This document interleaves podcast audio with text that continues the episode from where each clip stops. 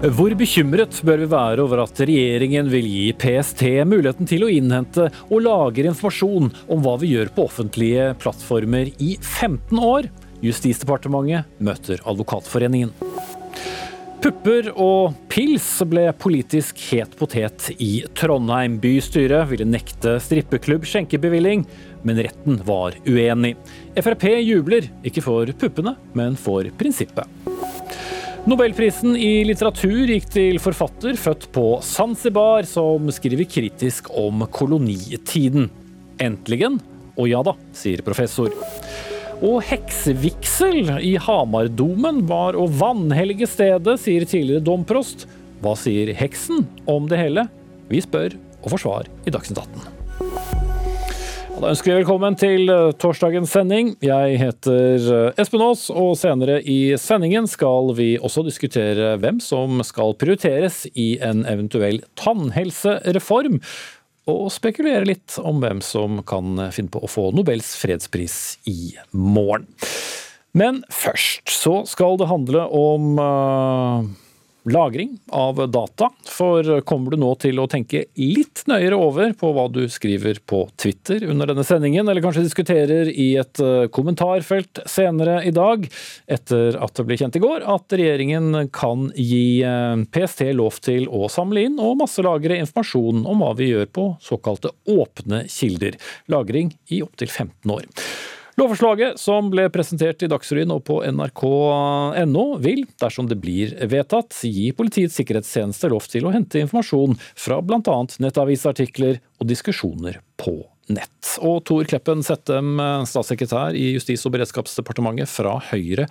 Hvorfor trenger PST denne muligheten? Jeg tror veldig mange vil bli overraska, fordi eh, hvis eh, PST har en berettiga eh, begrunnelse, altså noen de konkret går etter, som utgjør en trussel mot terror, eller som kan utføre terror, eller utgjør en trussel mot rikets sikkerhet, som det heter.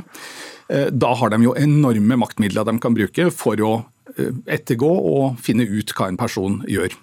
Men uh, det de ikke kan gjøre, det er det du som journalist kan gjøre. Nemlig å lagre informasjon som ligger ute åpent i ulike debattfora, uh, åpne nettsider for den del, uh, og på ikke minst skjennfora, der veldig mye av den radikaliseringa vi ser i dag, mm. foregår. Mm. Skjennfora, altså er jo, dette er jo da litt mer lukkede Spesielt. diskusjonsforum på, på, på, det såkalte mørke nettet. Og det er jo komplett uinteressant for PST å vite om noen har et synspunkt på ditt slips under sendinga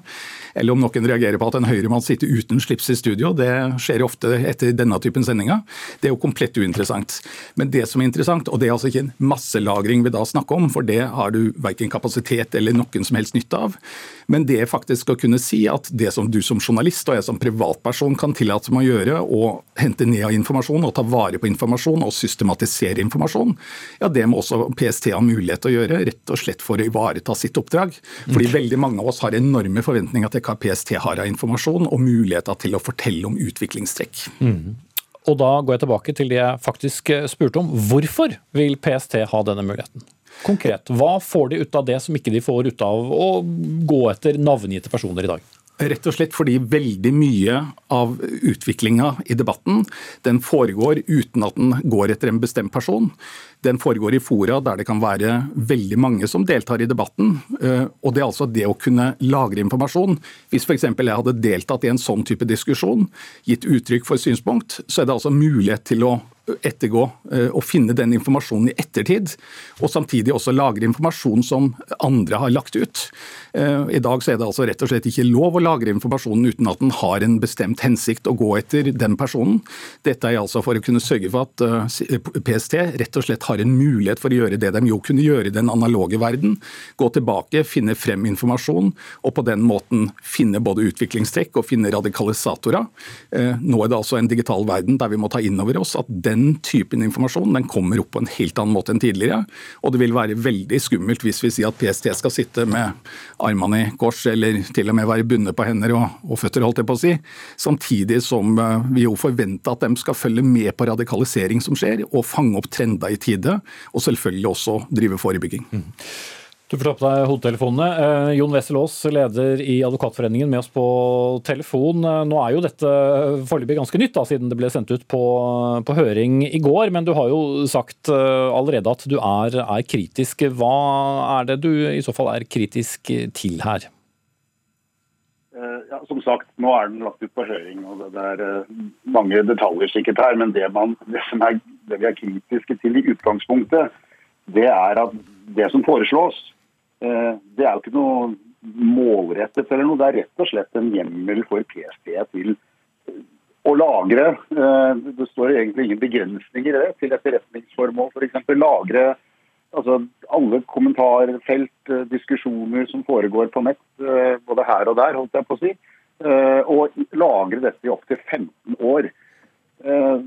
Og så tror jo, Jeg tror heller ikke PST er interessert i eh, alle mulige diskusjoner som vanlige folk har. Men problemet er med lovhjemler som er så vide. Eh, her risikerer man jo altså at folks kommentarer, ting som folk kanskje skriver og sletter ett minutt etterpå, eller dagen etter, så vil det da kunne bli lagret i register hos PST i opptil 15 år. Og det Med dagens teknologi så er det jo mulig å lagre utrolig mye informasjon. Eh, så, så det vi umiddelbart reagerer på, det er jo denne, den åpner jo for en, en ganske masselagring. og Det er ikke riktig å sammenligne alltid med den analoge verden. For mye av dette vil jo være det samme som om eh, PST eller andre myndigheter på en måte registrerte hva folk snakket om på gaten, og skrev ned og lagret det. Eh, for det er jo mye, mye, av den diskusjonen er jo akkurat på denne måten. Så, så det er jo det vi reagerer på uh, umiddelbart nå. Så får vi skrive et ordentlig høringssvar og se hva er det behovet er. Og går det an å dekke det behovet på en, en litt mer måtehold uh, måte enn det som er foreslått nå. Mm, så det er på en måte en, en slags avlytting eller innsamling av, av informasjon som, som utveksles uh, i det åpne rom, da? Ja, altså dette, jo, dette, vil jo være ting som PST kan jo som alle andre følge med på det som foregår i åpne diskusjoner osv. Men det er jo forskjell på det og det å lagre det i et register. Det blir jo et stort personregister over mange mennesker sine ytringer. Eh, helt, og, uten at loven egentlig setter noen grenser. så Det er ikke snakk om å lagre eh, på folk som man følger med på, hvor man i dag har hjemmel til å, til å følge med på dem. Dette kan jo være hvem som helst. Eh, og Problemet det er jo, det er jo bl.a. ytringsfriheten. Hvis folk vet at eh, det de skriver og diskuterer i et eller annet kommentarfelt, kanskje litt utenfor eh, kall det mainstream, men, men lovlig, i dag så, så, kan de gjøre det, og så kan de angre og slette det. Mm, et okay. år senere kan de slette det, eller i morgen, men, men det, det risikerer du altså at dette blir lagret i et register, og det er noe helt annet enn å følge med på hva som foregår i samtid. Mm, Svar på det, Sette. Ja, og jeg syns det er gode innvendinger, og jeg syns også at i det høringsnotatet som nå da går ut, og som går på høring i en tre måneders tid, eh, der problematiserer vi jo ganske mange av de tingene som, som Wessel nå også peker på. For det er jo, det er jo en avveining. Mm. Dere har vært kritiske datalagring i, Men, i Høyre tidligere? Oh yes da. Og Problemstillinga her er rett og slett at PST også forventa faktisk å ivareta personvernet og samfunnsinteressene i et perspektiv. Og Dette er altså en balansegang mellom hvordan ivaretar vi faktisk det samfunnsoppdraget og de forventningene som PST har retta mot seg, samtidig som vi ivaretar personvernet. Og det er klart at, øh, og som, som Wessel Aas sikkert er fullstendig klar over, så er det jo en veldig streng innramming som her foreslås. Øh, det er altså ikke sånn at øh, alt kan lagres, og det kan lagres til evig tid. Eh, det vil være veldig strengt hvem som faktisk har tilgang til informasjon. Det vil være tydelig hvem som henter ut informasjon. Det vil være en lagringstid som jo ikke trenger å være 15 år, selv om den er antyda. Det kan godt være en annen type lagringstid. Og så har vi jo, som med alt annet PST gjør, så er det altså Stortingets EOS-utvalg, som jo er et kontrollorgan som også skal ivareta og passe på at PST da ikke utnytter eller misbruker sine hjemler, men bruker dem på den riktige og, kloke måten. Så, så det er en del innramminger som jeg her håper og tror er veldig nyttige. Mm slåss? Eh, ja, det, altså det, står altså lagring i 15 år. og er, altså Innrammingen er ikke så veldig streng eh, på hva som kan lagres. Så er det jo riktig at det foreslås at det skal være streng tilgangskontroll osv. Men, men, men hva som kan lagres, det er vel i liten grad styrt av annet enn til etterretningsformål. Så et veldig vidt begrep. Så det er det vi reagerer på, er at denne hjemmelen er utrolig vid. Den hjemler for så vidt at du lagrer alle befolkningens eh, diskusjonstråder og sånn eh, i, i opptil 15 år. Og Det er riktig at vi har EOS-utvalget, men EOS-utvalgets mandat det er å passe på at PST holder seg innenfor loven. Og Hvis loven gir en veldig vide hjemler, da, da har jo ikke EOS-utvalget noe å reagere på, for da vil det jo være lovlig. Så så det er, det er, jeg tror det er veldig, veldig, viktig at vi får denne høringsrunden nå, eh, og får en ordentlig offentlig debatt om det. fordi det er et, eh, det er et ganske dramatisk virkemiddel. Mm. Ok, Vi får se hva som kommer av, av, høringssvar. Vi må sette strek der. Og også hva som da skjer i det nye eh, Stortinget og med den nye regjeringen. Men foreløpig er det gamle regjering. Tor Kleppen Settem er statssekretær enn så lenge i Justis- og beredskapsdepartementet fra Høyre. Jon Wessel Aas er leder av Advokatforeningen.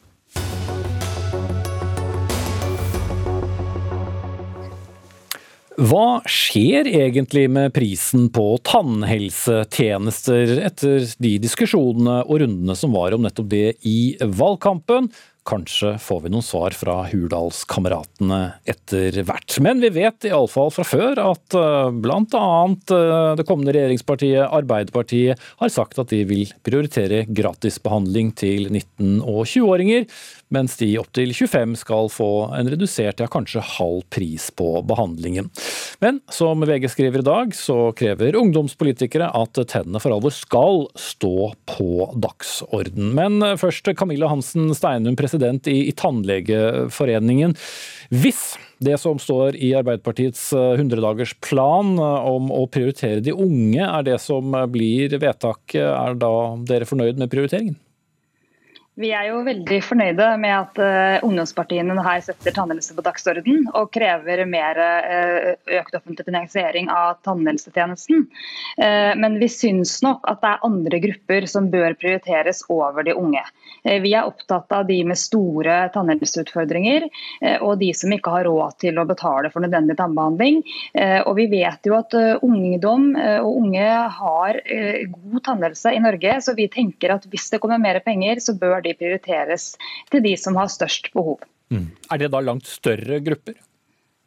Ja, Det er i hvert fall uh, grupper som har uh, kanskje pga. sykdom og andre, andre, utfordringer store tannhelseproblemer. Og så vet vi at de med dårlig, dårlig råd, de som er arbeidsledige, uføre f.eks., uh, de vet vi at går sjeldnere til tannlegen og har et udekka behov for tannhelsetjenester. Så det er en del av de gruppene vi tenker at bør prioriteres først. Mm. Gaute Børstad Skjervø, nestleder i, i, AUF. Dere har jo som jobb å, å presse moderpartiet er dere fornøyd eh, om det kun er de unge som skal tilgodeses med billigere eller gratis tannhelse? Altså, det er jo en eh, veldig god start. Eh, vi i AUF har krevd som en av våre tolv krav til denne nye regjeringa at man skal få inn tannhelsa i egenandelsordninga. Og det gjør vi jo fordi at vi ønsker at uh, tannhelsa skal være en del av det offentlige helsevesenet som vi har i dag. Vi vet jo at det er veldig mange som ikke får den hjelpa de trenger. Det er mm. sosiale ulikheter. Men, men hvor mange bør, bør, få det? Altså, I den andre enden så har vi jo partiet Rødt som mente at alle bør få gratis halstjeneste. AUF støtter det og mener at det skal være for alle. Og det er jo det som er det ideologiske ved det, at vi ønsker universelle velferdsgoder ikke for dem som bare er fattige, ikke bare for dem som har lite råd, men at alle skal få den tilgangen på hjelp fordi at det er et problem som følger hele livet. og Da må det også være opp til alle sammen å få den behandlinga, uten at det skal være din økonomiske status som avgjør om du får, får god hjelp. Mm, men det er for dyrt, eh, har moderpartiet sagt. Så hvis eh, du må gjøre det som eh, Arbeiderpartiet er glad i å si, du må prioritere, hvor vil du begynne? Ja, og Da sier vi sammen med Senterungdommen og Fagforbundet Ung i dag at vi ønsker at det skal være en innfasing av den universelle velferdsordninga. Eh, å begynne med unge og med eldre kan være en god start, eh, fordi at det skal ikke være bare dem som har dårlig råd. Det skal være for alle sammen. Og vi vet jo at også unge eh, studenter det regnes ikke som del av fattige Norge, selv om mange ikke har råd til å gå til tannlegen. Og Da tenker vi at det er naturlig at de også får muligheten til å være med i sånt, en sånn velferdsordning. Mm. Lar de være å gå til tannlegen fordi de har dårlig råd? Ja, mye peker på det. Vi ser at unge folk yngre enn meg, tidlig i 20-åra, får regninger på 20 30 40 000 for å gå til tannlegen. Det er altfor mye på et stramt studentbudsjett. så Derfor vil vi både øke studentpengene og også søke for gratis tannhelse til alle unge. Mm. Ja, eh, Steinum, hvis man først skal begynne et sted, er det ikke greit å, å, begynne der? Og hvis eh, problemene ikke er så store, så kan man eh, raskt gå videre til andre grupper? Ja da, det er en måte å se det på. Men vi er nok opptatt av at vi skal prioritere de som har størst behov. Og vi vet at det er ikke, ikke barn og unge. Men når det er sagt, så er det sånn at vi har veldig lite kunnskap om tannhelsa til norske befolkning. Eh, så vi håper at hvis det kommer mer offentlige midler, at også ungdomspartiene vil være med oss på å kreve at man har en sånn helhetlig gjennomgang av tannhelsetjenesten. At vi henter inn mer kunnskap om tjenesten, sånn at vi sammen kan prioritere de gruppene som har størst behov. For i dag så er det faktisk sånn at vi vet ikke helt hvor mange det er som ikke går til tannlegen. Vi vet ikke helt hvilke behov de har.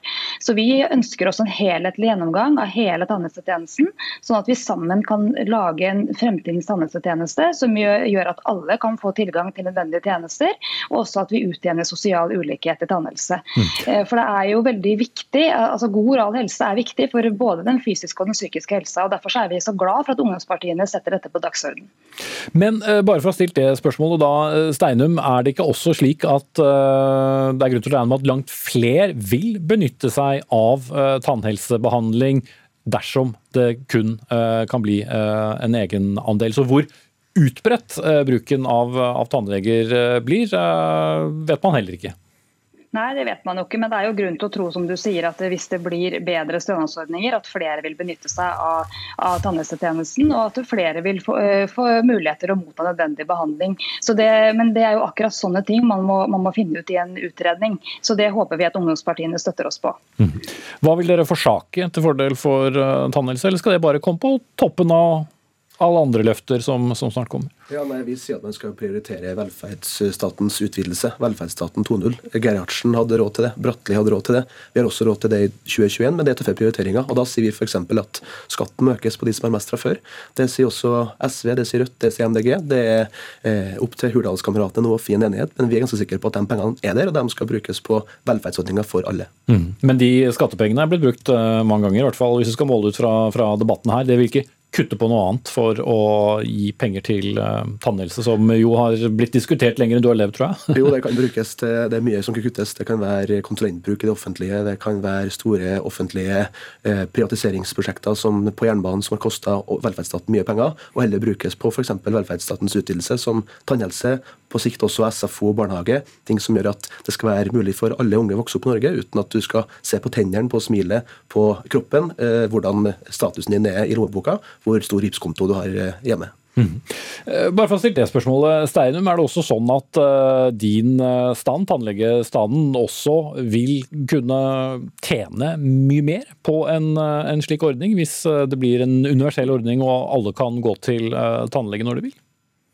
Nei, det tror jeg ikke nødvendigvis. For da vil det jo bli at antakeligvis at dette systemet vi har i dag. I dag er det jo veldig stor andel av tannhelsetjenesten som er helprivat. Dvs. Si at vi får ikke noe stønad, eh, vi som driver tannlegepraksis, eh, fra staten, og, og pasientene betaler selv.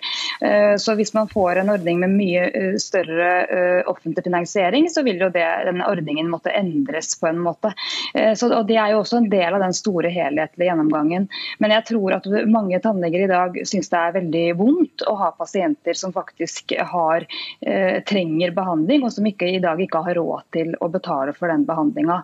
Eh, så jeg håper at vi kan få økt offentlig finansiering, og, og at det vil bidra til å utjevne sosiale ulikheten. Mm. Det, er det, vi, det, er vi, opptatt av, vi også, som stand. Og, og, og Skjerve, når, når, dere og, og Senterungdommen og fagbevegelsen går sammen, så er det et ganske klart signal til morpartiene at nå må dere levere? Absolutt. Vi sier det er to kriser i vår tid. Det er klimakrisa, men også ulikhetskrisa. Og den rammer vår generasjon ganske hardt på boligmarkedet, i arbeidsmarkedet, eh, også nå i helsevesenet, når vi ser at det er for dyrt å få tannhelsebehandling. Så vi sier at nå må Arbeiderpartiet og Senterpartiet levere. Vi vil ha tannhelsebehandling for alle, og begynne med de yngste og de eldste. Så vi ser, øye for øye og tann for tann. Vi vet jo ennå ikke helt når Senterpartiet og Arbeiderpartiet kommer til å presentere sin uh, nye regjeringsplattform, men uh, mange tipper vel at det kan skje før denne uken er omme, altså senest på søndag, før den høytidelige åpningen av Stortinget på mandag. Takk til Gaute Børstad Skjervø, nestleder i uh, AUF, altså Arbeiderpartiets ungdomsparti, og Camilla Hansen Steinum, som er president i Tannlegeforeningen.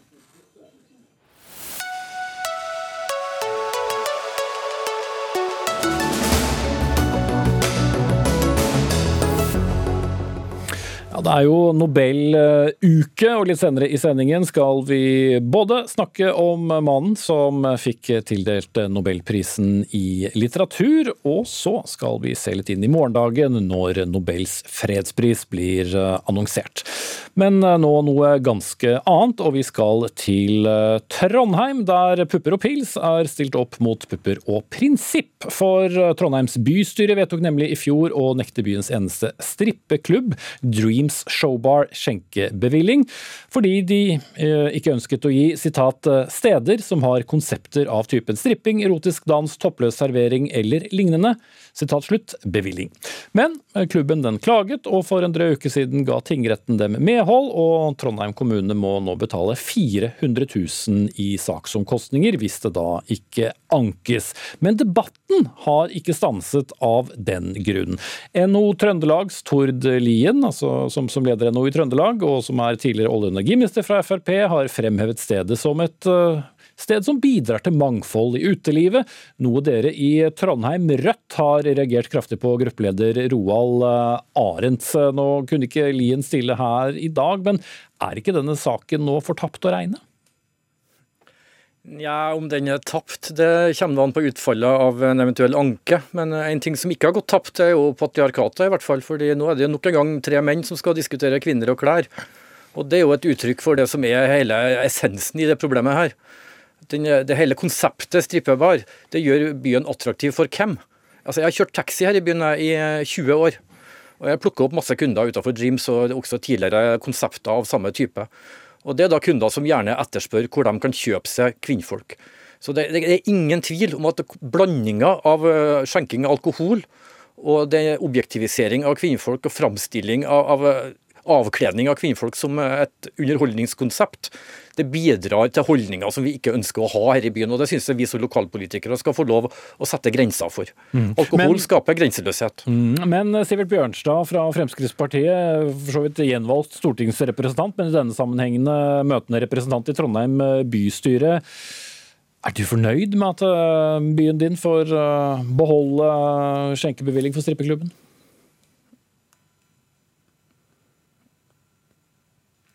Nå mangler vi lyd på Sivert eh, Bjørnstad. Nå kommer lyden, tror jeg.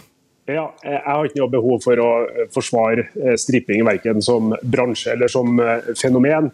Men jeg syns jo det er merkelig at det er moralske prinsipper i bystyresalen i Trondheim som skal avgjøre om en, bedrift, om en bedrift får skjenkebevilling eller ikke. Det mener jeg er helt feil, og det er jo det også retten nå har fastslått.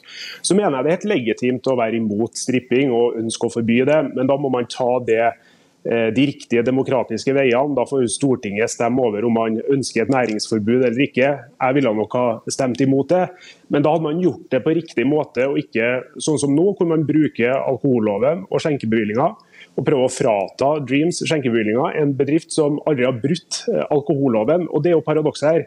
Eh, Dreams har jo gjennom de 20 årene de har eksistert, vist seg som en veldig seriøs utelivsaktør. Ja, uh, Arends, var det, var det så klokt å, å gå veien via, via skjenkebevilling? Altså, Det er jo fatta tilsvarende vedtak i andre norske byer, eh, Bergen og Sandnes bl.a. De vedtakene er jo fortsatt stående, så jeg mener at det er helt legitimt å, å bruke det politiske handlingsrommet her. Og jeg syns det er trist at den politikken vi prøver å drive her i byen, er, blir rettsliggjort. Altså, Tafsing og klåing og uønska seksuell oppmerksomhet er jo helt reelle samfunnsfenomener. Det er jo ikke noe Rødt og SV og 8. mars-komiteen har kokt i hop. Og da syns jeg vi kan bruke loven på den måten at vi, ikke vil framstå, at Trondheim ikke vil ha en profil og et omdømme som legger til rette for det. Mm, men for å, forstå deg rett der, ja, bare, litt, Aris, bare for å forstå deg riktig, mener du at den da ikke skulle gått uh, rettens vei? Jeg syns det er trist eh, at den politiske vedtaket blir underkjent, og jeg håper nå saken blir anka. For jeg syns fortsatt at kombinasjonen av eh, alkohol og stripping er tilrettelegging for holdninger vi ikke ønsker i samfunnet, og handlinger vi ikke ønsker i samfunnet. Bjørnstad. Ja, Man kan godt si at man ikke ønsker det, men det her er jo en lovlig bedrift som driver med noe helt lovlig. og Den seksuelle trakasseringa og taftinga som Roald Arend snakker om, det foregår så vidt jeg vet, ikke på Dreams. og Det er jo det viser jo ganske godt da denne saken var oppe i bystyret i, i fjor. at høringsinnspillene, samtlige høringsinnspill var negative til å frata dem skjenkebevillinger. Og Det gjelder både politiet, det gjelder eh, NHO, men det gjelder også Fellesforbundet, som representerer de ansatte på Dreams. Som skrev i sin høringsuttalelse at dette er en seriøs utelivsbedrift som eh, bidrar til gode lønns- og arbeidsvilkår til sine ansatte. og Det mener jo jeg bør være en ganske god attest også for Roald Arends i Rødt. Når til og med Fellesforbundet sier at de her driver på ordentlig vis, så kan ikke man drive og bruke skjenkebylling skjenkebevilling som gissel for noe man uh, mener er moralsk forkastelig. Mm. Til slutt, uh, Arends, hvis, hvis ikke kommunen anker dette, hva vil i så fall være neste steg? Nei, altså, det, det, Som Bjørnstad sier, så er jo, driver jo Dreams lovlig. og Det er jo ikke konseptet, altså det er jo ikke selve drivinga av Dreams og de som jobber der, sine lønns- og arbeidsvilkår som er argumentet. Argumentet er jo alle de damene som blir utsatt for den tafsinga, klåinga uønska seksuell oppmerksomhet, inkludert eh, mine kollegaer i drosje. De, de, de hørte i denne saken. Og En unge jenter som vokser opp med et kroppspress som fører til dårlig selvtillit og psykisk uhelse, er de hørt i denne saken. Dette er et samfunnsproblem. Alle kan se det. Du kan ikke gjemme deg bak liberalismen din, eh, Bjørnstad. Dette er likegyldighet. Bjørnstad. Ja, men jeg tror, jeg tror, ikke man kan ta uh, Dreams til inntekt for, uh, for kroppspress som foregår i, i, samfunnet. Og nå mener jeg Trondheim kommune bør bidra til å sette strek for denne saken, og ikke drive og ri moralske kjepphester i rettssystemet. Trondheim kommune har store utfordringer på tjenesteområdene. Eh, så nå må vi heller bruke skattebetalerne sine penger på å rydde opp i det, fremfor å drive denne type moralske kjepphester i rettssalene. Mm. Og da kommer vi over i moral. Der kommer vi over på whataboutism, og dermed så sier jeg takk til eh, FrPs Sivert Bjørnstad og Rødts eh, Roald Arends, begge fra bystyret i Trondheim.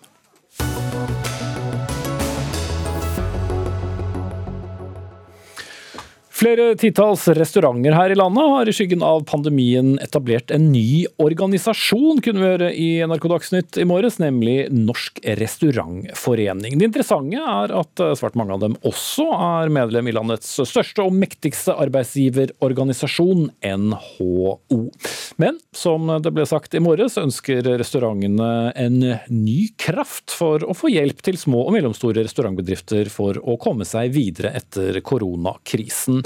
Og Ove André Jacobsen, du er styremedlem i den nystartede restaurantforeningen, også innehaver av og kokk på Lø Benjamin Bar og Bistro i Oslo. Så travel at du ikke kunne komme til studio, så vi har deg med fra, fra grytene på restauranten. Men du sa til oss i morges at NHO har gjort mye bra, men at de har hatt problemer med å sette seg inn i de problemene som dere på gulvet opplever.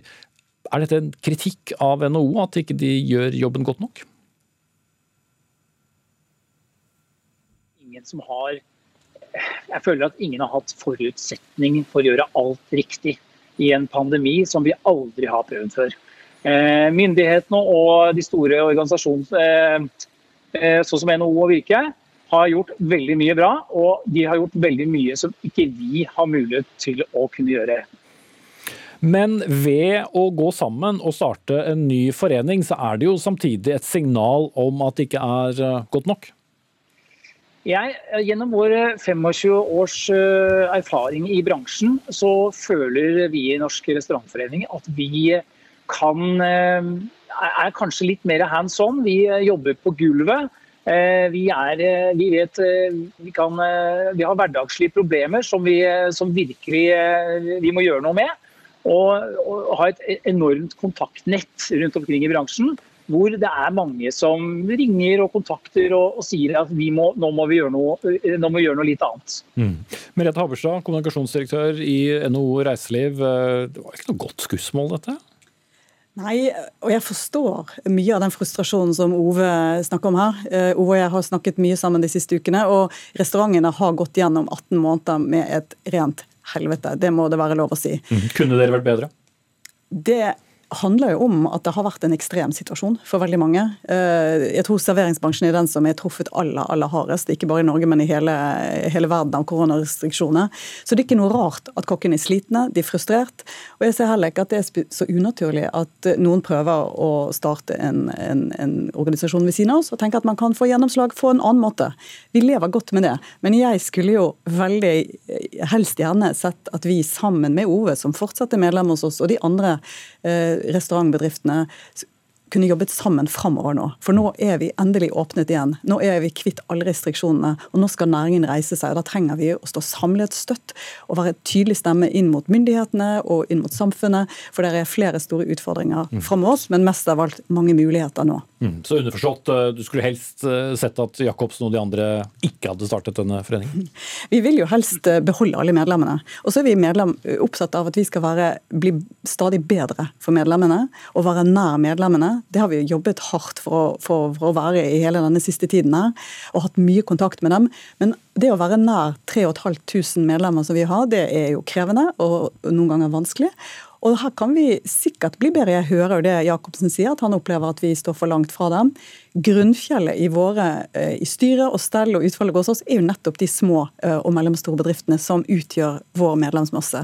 Og vi, vi, vil gjerne lytte til dem. Det er helt avgjørende for at vi skal kunne presentere et godt bilde av bransjens utfordringer. Men, men Jacobsen, eh, du er jo da, som ble sagt her, fortsatt, fortsatt NHO-medlem også. så Bare for å forstå litt hva denne Norsk Restaurantforening egentlig er, er det, et, er det et supplement til eksisterende medlemmer i NHO Reiseliv, eller tenker dere at dette skal bli en, en, en slags Eh, konkurrent og en, eh, ja, en utbryterorganisasjon, om du vil? Ja, altså vi, vi, vokser eh, dag for dag, og vi har lyst For hver ting vi setter oss fore til å gjøre noe med, så føler jeg kanskje at det dukker opp 20 nye problemstillinger.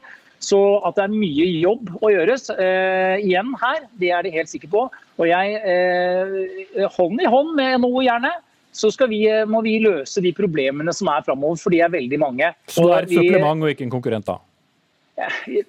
Jeg vil si at det kan være et supplement inntil videre. i hvert fall. Vi, er, i hvert fall, vi har lyst til å jobbe eh, steinhardt for å bedre utsiktene i bransjen vår. Og hvem som gjør den jobben, det er egentlig knekkende likegyldig. Det, det vi, det vi, må, vi, må, bare komme oss dit. Og hvis eh, vi kan litt, uh, se på, litt andre ting for å komme oss uh, dit, så kan vi gjøre det sammen ved siden av NHO, vil jeg si. Men uh, i stedet for å være litt sånn uh, snerken i, i sausen her, kan dere gjøre noe for å, å samle dere sammen? For det er jo ikke noe ønske fra NHO eller å se en sånn fragmentering? Nei, vi ønsker å stå sammen med alle som jobber for bransjen og som er medlemmer hos oss. Og, og, vi vil også jobbe sammen med de som er medlemmer hos oss, som ønsker å være en del av en mindre bransjeorganisasjon som Norsk Restaurantforum. Det som har vært gledelig opp i all denne krisen, er at vi har opplevd tidenes medlemsvekst. Siden januar eh, før pandemien så har vi vokst med 563 nye bedrifter. Så vi har over 1700 restaurant- og serveringsbedrifter nå. Så er ikke så bekymret for eh, at dere skal svekkes? Det, det, det, jeg hører, er at mange sier at det har vært viktigere enn noen gang å ha en tydelig og sterk aktør som har lykkes å få fram situasjonen og alvoret. Mm. Og alle som har fulgt bildet i media, har nok fått med seg at vi har ettertrykkelig klart å, å, få fram at dette har vært en stor krise, og at det har vært viktig å få de kompensasjonspakkene på plass for næringen. Mm. Men nå skal de videre, og, og Jacobsen, jeg forstår at et av problemene er jo bl.a. å få tak i nok kokker, og få utdannet uh, kokker, sånn at man kan få flere gjester inn på, på, på restaurantene. Men hvordan uh, skal dere få gjort noe med det som NHO ikke kan gjøre? Nei, Det er helt krise i bransjen om dagen. Eh, vi, eh, det finnes ikke kokker, det finnes ikke servitører. Eh, vi har vel, det har vært snakket om at vi har lekt 20-30 til andre bransjer etter at Erna Solberg gikk ut og sa finn dere andre jobber. Det er en situasjon vi lever i i dag. og utrolig leit å tenke på at, at vi har, nå har vi hatt ikke mulighet til å arbeide så lenge. Og når liksom restriksjonene blir borte og vi har gleder oss til å komme i gang igjen, så er vi ikke nok folk til å få det til. Mm. Men hvordan skal du få det til? En... Hva? Hvordan skal du få til det hvis du mener at NHO ikke kan få det til? Nei, altså Vi må eh, fokusere enda mer på uh, omdømmebygging i bransjen vår. Vi har uh, en rekordlav uh, omdømme. Så, som, som, har blitt veldig synlig nå i denne pandemitiden og vi, dette her er virkelig noe vi må jobbe med. Eh, det er van veldig vanskelig med rekruttering om dagen. Det virker som mange mennesker sitter hjemme og tenker på at vi i restaurantbransjen er litt sånn, ja, litt sånn lyssky bransje, har det vært. Eh, dette, dette er liksom dette er tilbake til 70-tallet. Altså. Folk sitter og tenker på dette ennå, at dette her er vel ikke noe for deg, sønnen min. Ikke start som kokk eller servitør, det kommer ikke til å bli noe bra. Og vi har så, Det er så mye ting som vi kan love disse unge menneskene eh, når, de kommer i bransjen. Bransjen har blitt mye renere mye, eh, på alle mulige måter. Vi har eh, skattlegges tipsen, og vi har, vi er en helt ny situasjon enn det vi var for 20 år siden. Ok, Vi får se om dere klarer å, å skjerpe noens appetitt på, på kokkeyrket. Takk til Ove André Jacobsen, styremedlem i den nystartede Norsk Restaurantforening, og Merete Habberstad, kommunikasjonsdirektør i NHO Reiseliv.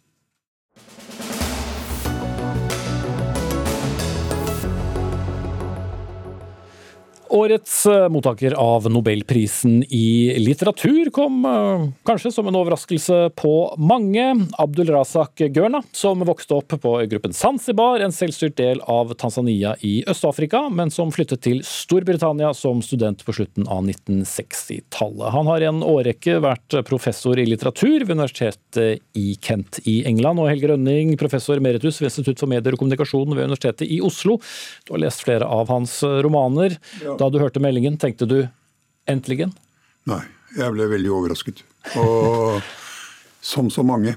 Eh, det var ikke uventet at det ble en afrikansk forfatter som fikk prisen. Det var ventet. Men det var ikke hans navn som sto øverst? Det var ikke hans navn. Det var kenyaneren Ngogi Wathiongo eller somalieren Norodin Farah eller i og for seg mosambikaneren Mio Koto. Men ikke Goruna. Det mm. var veldig, veldig overraskende. Og dette er jo da en forfatter som har eh, kritisert bl.a. Storbritannia som, som, eh, imperialist, og, og har vel skrevet et slags sånn motsvar til Josef Konrads eh, 'Heart of Darkness', eller 'Mørkets hjerte'. Så hva slags forfatter er han? Han er en forfatter som både er en veldig god psykologisk forfatter, samtidig som han er en forfatter som viser hvorledes enkeltmennesket står i en historisk sammenheng. Man kan kanskje si at han skildrer det lille menneskets historie i samfunnets store historie. Og det gjør han da både i sine historiske romaner, hvorav den siste som kom i 2020, 'Afterlives', handler om den tyske koloniseringen av Afrika. Og det er jo et litt ukjent eh, kapittel i Norge nå. Eh, Tyskland var jo Tanganikas koloniale herskere fram til etter den første verdenskrig. Og det er det som han tar opp i denne romanen. Så har han skrevet en roman som var den store gjennombruddsromanen hans, som eh, heter 'Paradise', 'Paradis', som er kommet på norsk. Som handler om en reise til det indre Afrika fra Eh, kysten, eh, som er fortalt fra perspektivet til en ung slave som reiser med en meget rik eh, sansibarisk handelsmann. Så det er dette blandingen av det historiske og det psykologiske som preger romanen hans, også de han har skrevet om det å være i eksil i, i Storbritannia. Mm. Koloniherren Storbritannia. Og i en tid hvor man særlig da i Storbritannia har sett rasende demonstranter rive ned statuer av slavehandlere, hvor, hvor kritikken av, av, eh, hjemlandets fortid virkelig har kommet på dagsorden. Var det sånn sett et, eh, hva skal vi si, et litt sånn trygt valg av eh, Nobelkomiteen? Slik sett var det et trygt valg, og særlig fordi han jo har hatt denne såkalte postkoloniale perspektivleggingen av sitt forfatterskap, og både sitt skjønnlitterære, men også sitt kritiske forfatterskap gjennom mange mange år. Han har skrevet kritisk om bl.a. Konrad, og han har gitt ut en uh, bok om Salman Rushdie, så han er ikke bare opptatt av afrikansk postkolonial litteratur, også skrevet om, uh, skrevet om vestindisk uh, litteratur. Så han har en veldig bred tilnærming til hele problemstillingen, men samtidig så er han jo nå eh, vært bosatt i Storbritannia siden 1968. Da han faktisk kom som flyktning fra opptøyene på Zanzibar i forbindelse med revolusjonen på Zanzibar på 60-tallet. Hvor han følte at volden der var så komplisert at han og hans bror kom til eh, England som flyktninger. Og Det har han skrevet et veldig flott lite essay om i The Guardian, hvor han beskriver at eh, den gangen så var det Enoch Powell og The Rivers of Blood som Den berømte talen? Ja, ja eller beryktede, beryktede talen om elvene av blod som ville komme fordi at det, eh, det kom så mange immigranter. Så han regnet seg selv som en ulovlig immigrant, snarere som en flyktning. Mm. Vi får nok, eller mange kommer nok til å lese mer om hans kritikk av, av, av kolonitiden. Takk skal du ha, Helge Rønning, professor emeritus ved Institutt for medier og kommunikasjon ved Universitetet i Oslo. Men vi gir oss jo ikke med, med Nobel overhodet, for uh, i morgen skal jo Norges mest berømte dør vises frem til omverdenen. Klokken 11 så kommer uh, Nobelkomiteens leder Berit Reiss-Andersen gjennom den og annonserer hvem som tildeles fredsprisen for 2021. 329 kandidater er registrert eh, i år. 234 enkeltpersoner, 95 organisasjoner. Henrik Urdal, direktør ved Institutt for fredsforskning, PRIO. Du har gått etter to hovedspor i eh, år. Hvilke? Ja, Det aller første hovedsporet, som kanskje både er mest sannsynlig og vil jeg tenke det aller viktigste, er en journalistpris. Og Vi har pekt på en organisasjon som heter Journalister uten grenser, som holder til i Paris. Og som driver både med å kartlegge eh, da, eh, situasjonen for journalister som er ute i felt, i krig og konflikt, men også har en bredere agenda knyttet til falske nyheter. Og Det er jo et eh, tema som i aller høyeste grad er i vinden. Mm. Det andre sporet er den hviterussiske opposisjonelle, eh, ikke-voldelige aktivisten Svetlana Tikhanovskaja Tikhanovskaja. Eh, det er jo en pris som både vil peke på den viktige kampen i Hviterussland, men også vil resonnere mye bredere enn det knytta til eh, da den kampen som, eh, som, opp, altså som, som, bevegelser som driver for demokrati, har sliter med, særlig i mange østeuropeiske land. Mm. Kun Magnus Berge, redaktør i NRK Nyheter, og du har dekket denne annonseringen i en, i en årrekke. Du er vel ikke helt uenig med, med, med Urdal her? Ikke helt uenig, så da får jeg nesten vri litt på det, sånn at det blir litt, eh, litt forskjell. Eh, vi vet jo ikke dette, for det første, eh, men jeg holder nok en knapp på Hviterussland. Svetlana Tikhanovskaja, som blir nevnt her, er helt sikkert et hett navn i en sånn sammenheng. Dette går jo tilbake til det omstridte valget i 2020, før, under og etter det valget, som ble slått knallhardt ned av eh, regimet. Tusener ble arrestert, og Tikhanovskaja havna jo da i eksil og har fortsatt sin virksomhet der. Hun eh, var jo da presidentkandidat for opposisjonen i eh, det valget. Eh, og har nå nylig gjennomført en, en slags turné rundt i mange mm. hovedsteder i Vesten. Gjort en, en god figur eh, der. Mm, også i Norge. Eh, også i Norge. Og vært i Dagsnytt Ja, der har det. Så, så, jeg tenker at det er en, en spennende kandidat. Og også mediene, som jo har vært i spekulasjonene over tid. Vi vet at komiteen har vurdert dette nøye. Eh, og det er jo et tema som blir mer og mer aktuelt. Mm. Men hvis eh, det da handler om eh, Hviterussland eller Belarus, Ula, så vil det være en mer kontroversiell pris, kanskje i den forstand at det ligger under en, en samfunnskritikk eller en, en regimekritikk også? Ja, det, det, tror jeg er riktig. Og det vil jo være et slags eh, spark til, til Russland og til Putin. Uh, I fjor så ville nok en journalistpris vært enda litt, eh, litt, mer touchy, særlig med tanke på det amerikanske presidentvalget. I år så er det kanskje litt uh, mindre kontroversielt. Men det er klart at det finnes, særlig blant demokratiforkjempere, så, så finnes det jo en del uh, veldig potent kontroversielle kandidater. Mm.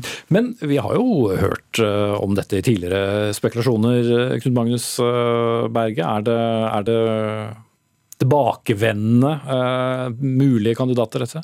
Altså For det første så er det sånn at mange av de som har fått prisen opp igjennom, har vært aktuelle i flere år. Vært på denne såkalte kortlista, som er lista over de mest aktuelle kandidatene som, som komiteen da år for år jobber mest med. Uh, Dennis Mukwege, som fikk prisen for noen år tilbake, han sto jo på den kortlista i årevis. Så det er ikke nødvendigvis noe som svekker et kandidatur, uh, at man er i diskusjonene over år. Så er det jo dette med eh, en, en eh, journalistpris, en mediepris. Eh, det vil jo sant, sette fokus på viktigheten av pålitelig informasjon fra konfliktområder, men også knytte an til eh, skumle tendenser i vår tid. Eh, falske nyheter, konspirasjonsteorier, og hva det kan føre til. Og vi har jo friskt i minne f.eks. storminga av den amerikanske kongressen i januar. Så det er mange ting som taler for at en sånn type pris er veldig aktuell i år. Men klima og miljø, Henrik Urdal. altså Greta Thunberg har jo blitt nevnt, hun også, i gjennom noen år. Og så har mange av dere som er bedre kvalifisert enn mange til å spekulere, også uh, tvilt litt på henne. Hvor, hvor het navnet er hun i år, eller, eller klimabevegelsen? Jeg tror klima eh, er, kan være en aktuell eh, problem, et, et, aktuelt område som komiteen eh, vurderer. Og så er jo vi opptatt av å si noe om hva som er de gode, de viktige prisene, ikke nødvendigvis hva som, som er de, de, mest populære eller de mest sannsynlige. Men når, på klimafeltet så tror jeg at hvis man først skal tenke å gi en pris der, så vil det kunne være en pris som peker mot en del av testamentet som går på internasjonalt samarbeid, på forbrødring mellom nasjoner. Og da er en mulig kandidat er UN UN eh, Framework Convention for Climate Change, altså den strukturen som bidrar til forhandlinger om eh, reduksjon i klimagassutslipp. Og Det vil, eh, tenker jeg, være en veldig riktig måte å innrette en klimapris på. Mm. Det spekuleres jo hvert år, og du er jo ofte med, Magnus Berge. Har det noen verdi at vi sitter rundt et bord som dette? Ja, det har det, mener jeg. Eh, ikke først og fremst i at det er viktig om man klarer å liksom komme fram til hvem som eh, får eh, denne prisen før alle får vite det, klokka 11 da i morgen.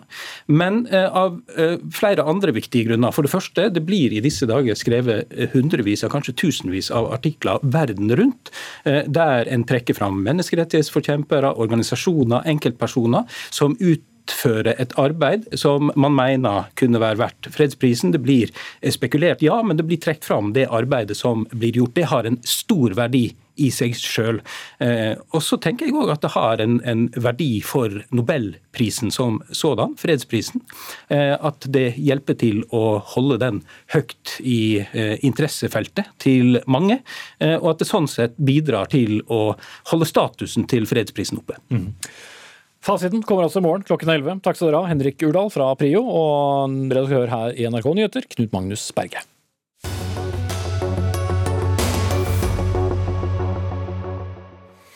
Nå skal vi snakke om eh, heksevielse. For i helgen ble et par viet i eh, domkirkeruinene på Hamar, men ingen typisk vielse altså, for hun som viet dem var altså heks, noe som har skapt eh, litt reaksjoner.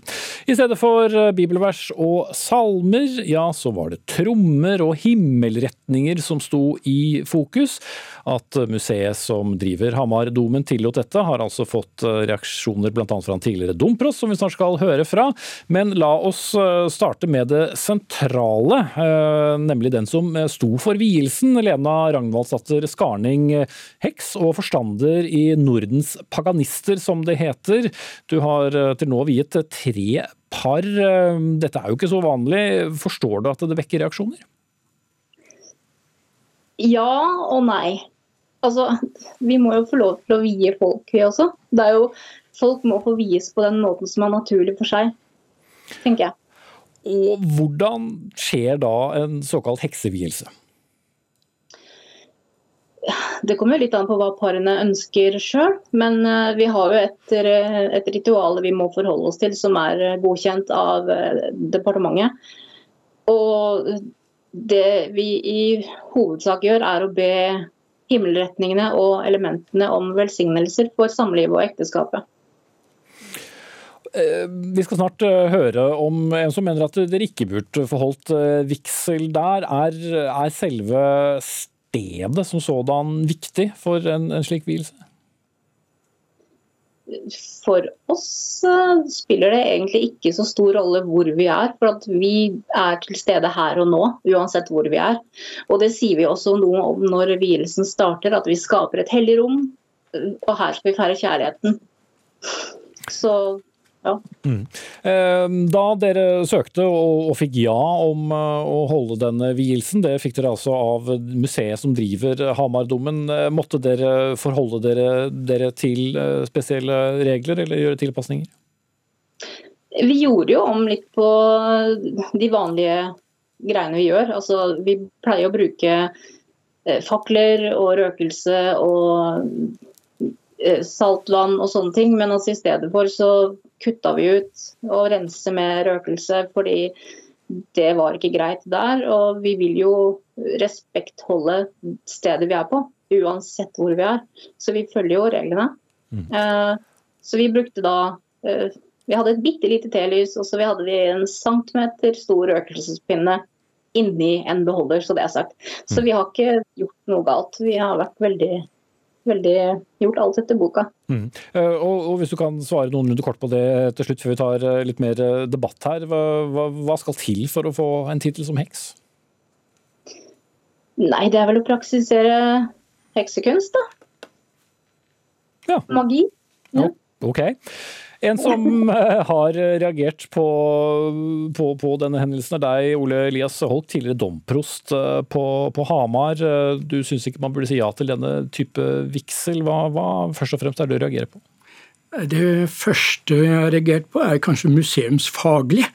At dette er, det kalles Hamardomen og ble gitt den tittelen for at det skulle uttrykke nettopp at det er en, en, en domkirkeruin man tar ansvar for, og altså en tusenårig kirkelig tradisjon.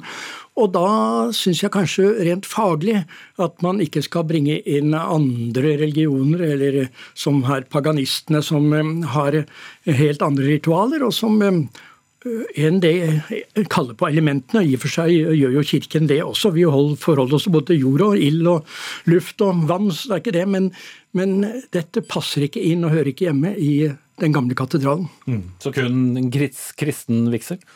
Nei, altså det er også åpent for humanetiske vigsler der. Og det er jo ikke Kirken som driver dette stedet, det er museet som driver det. Mm. Men likevel bør det være begrensninger? Det bør være klart begrensninger med det, jeg, og det var vi vel egentlig enige om da det ble åpnet. Mm. En vannhelligelse? Ja, jeg syns det iallfall er et brudd med de reglementene vi skulle ha, og er litt respektløst, vil jeg si. Mm. Magne Rugsveien, direktør for Anno museet på, på Domkirkeodden. Hva svarer du kritikeren? Ja, vi har respekt for at eh, noen har meninger om hva vi driver med. Eh, for oss er dette først og fremst et forhold knytta til museumsetikk og juss. Eh, vi praktiserer åpenhet for alle, er en, som er en viktig rettesnor. Og vi har åpen for alle tros- og livssyn. Vi følger et etisk internasjonalt regelverk. Eh, mangfoldsperspektivet står sentralt, og nasjonale lover, regler og rett, er retningslinjer for oss.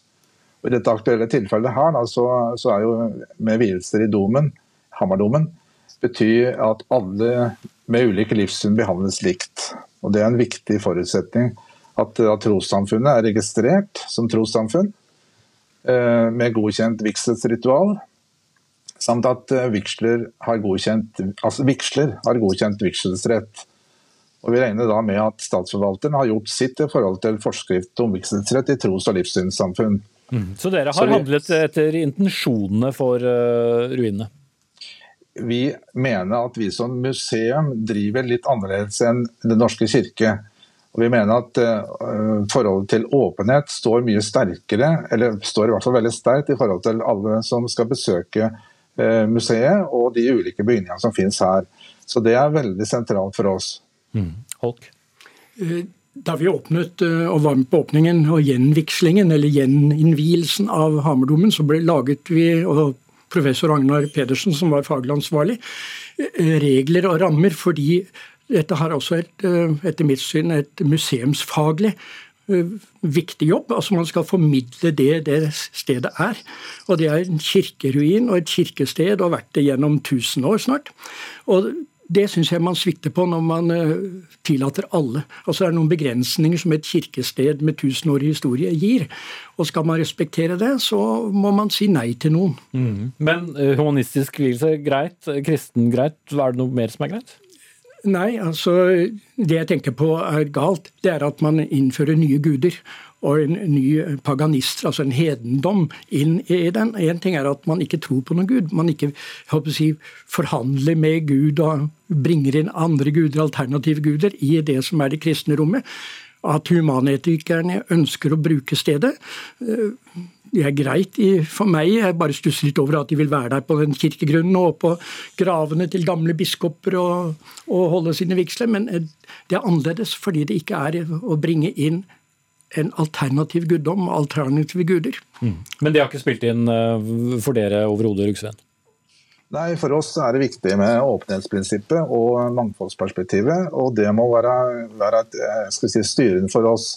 Jeg har full respekt for at eh, det religiøse og det teologiske si, synet strider litt mot, mot, det, men for oss vi kan ikke risikere at vi blir trukket for retten fordi at vi, ikke, at vi stenger folk ute pga. tros- og livssyn. Det, det, vil vi ikke kunne ta, ta eller ha, ha, plass for i et museumsmoderne Norge. Jeg mener at det, det blir, altså Mangfold er flott, men du bruker jo ikke Slottets rom til all verden. Altså Du har begrensninger på rom. Du skal bevare rommets identitet, og dette mener jeg er pedagogikk. altså Et museumsfaglig pedagogisk oppgave. En annen ting er jeg som prest uh, syns at uh, dette kirkerommet skal bevares som et kirkerom, og det bruker vi jo som et kirkerom. Har avtalemuseet å bruke som kirkerom, og jeg syns at det skal bevares som det. Men mangfoldet må iallfall vike for visse museumsetiske grunner. At man skal formidle hva det rommet er. Mm, men det kan høres ut som du setter både de sånn museumsfaglige tingene sammen med det, med det, religiøse, nettopp når du påpeker eh, dette med at det ikke skal være annen religion eller noen som på en måte kommer til hinder for, eh, for det ja, guddommelige? Ja, altså jeg mener at sånn, man har en katedral å, som man skal formidle meningen med og museet skal formidle den meningen. Hva er dette? Da må man også bringe med at dette er et hellig sted for mennesker gjennom tusen år. Og man formidler også at det er et kristent sted gjennom tusen år. Og hvis man ikke gjør det, men bringer alt mulig annet, så bruker, bryter vi med den museumsfaglige og museumsetiske holdning, tenker jeg. Mm. Men da er du helt uenig, Rugsven? Jeg syns at man blander litt kortene her. Jeg syns at det teologiske må få stå for sitt. Eh, det museumsetiske og det skal vi si, museumsfaglige må stå for sitt. Eh, og vi ønsker selvfølgelig gjerne å kombinere det. Men for oss eh, som driver museum, som skal være åpen for alle, så må det være åpen for alle. Mm. Har dere fått nye forespørsler etter oppmerksomheten som har kommet rundt lørdagens vielse?